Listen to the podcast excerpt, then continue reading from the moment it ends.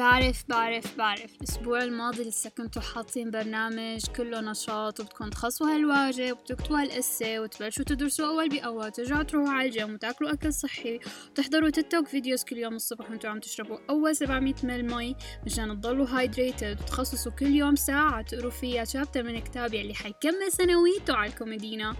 لأنه السنة الماضية بنفس هالوقت حطيتوا لحالكم خطة وبعدها بيومين رفعتوا العلم الأبيض وزتيتوا كل شي ورا ظهركم وحطيتوا هاللابتوب وقعدتوا تحضروا Friends للمرة المية وخمسطعش وإذا ما بتحضروا Friends أي مسلسل ستكم تاني ما حنختلف. والمشكلة لا يمل. آخ بس لو كانت المماطلة بني آدم. كنت حردت منه ما عاد حكيت معه أبدا أبدا.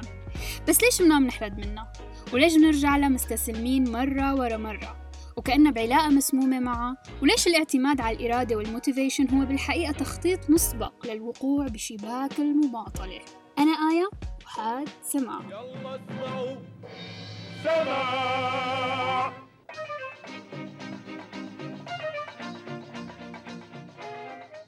المماطلة أو procrastination هي أنك تأجل المهام يلي لازم تعملها بس بدون أي سبب ضروري. فبدل ما أنك تقعد تدرس لامتحان بكرة بتلهي حالك بأي شيء المهم ما تدرس. عم بحضر حاليا كورس بعنوان تعلم كيف تتعلم أو Learning How to Learn تقديم باربرا أوكلي أستاذة الهندسة الإلكترونية بجامعة واشنطن. كمان معروفة بكتابها المستقل عن الكورس لكن بتناول نفس المواضيع بعنوان A Mind for Numbers. الكورس متوفر مجانا للجميع ومترجم للغة العربية ورح أترك لكم الرابط بوصف الحلقة تحت. أنا لسه ما قريت الكتاب بالحقيقة بس سمعت عنه حكي كتير رائع من أصدقائي يلي قروه. وبصراحة بنصح أي حدا لسه هلأ مبلش حياته الأكاديمية بالجامعة إنه يترك حتى هي الحلقة هلأ ويروح يشوف ال course. واحدة من النقاط يلي بتتطرق لها باربرا بال course هي المماطلة. ليش الفكرة كتير مغرية لعقولنا؟ لأنه احزروا شو لما تيجي تعلم دماغك يحل معادلة الله مولاها أو يحفظ تاريخ روما من طقطق للسلام عليكم فتقريبا مثل كأنك عم تنقف مخك قتلة من تحت الدست. أي نعم عملية التعلم عملية موجعة جدا وبتنشط المسار العصبي المصاحب للشعور بالألم بالدماغ. فيعني مو كتير فارقة مع مخك قد ما حاولت تقنعه إنه يحس على حاله ويقوم يدرس لأنه مستقبلك الدراسي بخطر. بالعكس الدماغ بيحاول يتوجه للأمور المألوفة أكتر لأنها مريحة أكتر. حتى لو كان فيديو القطاط يلي موجود على اليوتيوب يلي صرت حضرانه 300 مرة وما عاد بيضحك حتى بس بيضل مريح. وبكتابها Come As You Are. بتحاول إيميلي نيغوسكي تصور تأثير الضغط النفسي على الجسم مثل الحالة يلي ممكن تكون فيها لو كنت رجل أو سيدة أو حدا كهف. وهلأ طالع من بيتك بأمان الله ولقيت أسد ضخم متصيد لك قدام الباب. ضربات قلبك رح تزيد نفسك رح يزيد ضغط الدم رح يرتفع وردة فعلك على الأغلب إنه حتشمع الخيط وتهرب لحد ما توصل على البيت وتسكر هالباب أو على الكهف وتسترخي شوي. صاي الأسد لساته برا بس نوعا ما جسمك رح يهدى. بتحكي لعشيرتك بيقوموا ما بكذبوا خبر بيتكاتروا على الأسد بيقتلوه وبتاكلوه إلا إذا كنتوا نباتيين فما بدي أتخيل السيناريو. المهم أملي بتشوف إنه هالقصة بتلخص دورة الضغط النفسي يلي منمر فيها حتى بحياتنا اليوم الحياة المدنية. منمر بموقف معين بيعرضنا للقلق وبحطنا تحت ضغط. نهرب وبنحاول نتجه لمكان مألوف أكتر بيتنا أو ال comfort zone. وهون القصة بتاخد منحنيات كتير رح أحكي عنها هلأ. بس الفرق حسب ما بتشوف إيميلي إنه الضغط النفسي عند إنسان الكهف هو ضغط نفسي آني. بنفس اللحظة. ممكن يستمر لساعات وبعدين بيزول بزوال الخطر. نحن اليوم بخضم الحياة المعجوقة ومصادر الضغط يلي منمر فيها من دراسة وامتحانات وعيلة وأصدقاء ووباء وصحة ومستقبل محطوطين تحت ضغط نفسي مستمر أو مثل ما قالت عنه إيميلي مزمن. المماطلة بالقصة الطويلة هي كلياتها هي الشغلات الموجودة جوا فقاعة ال comfort zone أو البيت يلي بنحتمي فيه من الأسد. إنك تفتح تتفرج على شيء أنت already شايفه هو طريقة الدماغ بإنه يحاول يحاوط حاله بأشياء مألوفة ومريحة لأنه بوضع ما منفتح أبدا لفكرة الفضول أو التعرف على أشياء جديدة بالعكس بده شغلات بيعرفها وبيحبها. فلما تكون رعبه لمخك بكمية المحاضرات يلي صاففها على المكتب ولازم تخلصها خلال أربعة أيام مو غريب أبدا رغبته بإنه يتركن يقعد يتفرج على شابين بالهند عم يبنوا بيت من طين وورق شجر.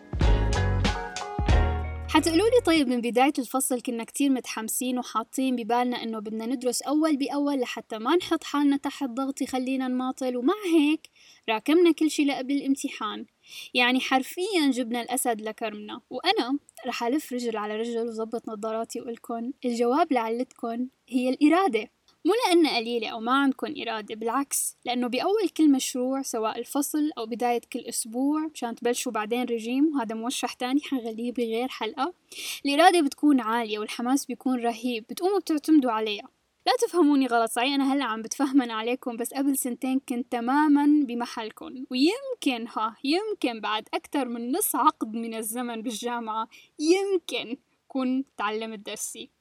الإرادة بتذكرني كتير بشخصية جاك هوسكنز بمسلسل The Outsider المعمول عن رواية ستيفن كينج يلي بيكون فيه طيب طيب طيب ما راح أحرق المسلسل اللي بده يحضره بس يعني لا ترفعوا كتير سقف توقعاتكم وانتوا عم تحضروا. بس الإرادة تماما مثل الشخصية الهوليودية اللي بصورونا إياها على إنها رسول السلام وذات النوايا الحسنة وبدها مصلحتك بس بالحقيقة إذا اعتمدت عليها بتكون ببساطة عم تخطط لموسم جديد من المماطلة من بطولتك وإخراج السيدة إرادة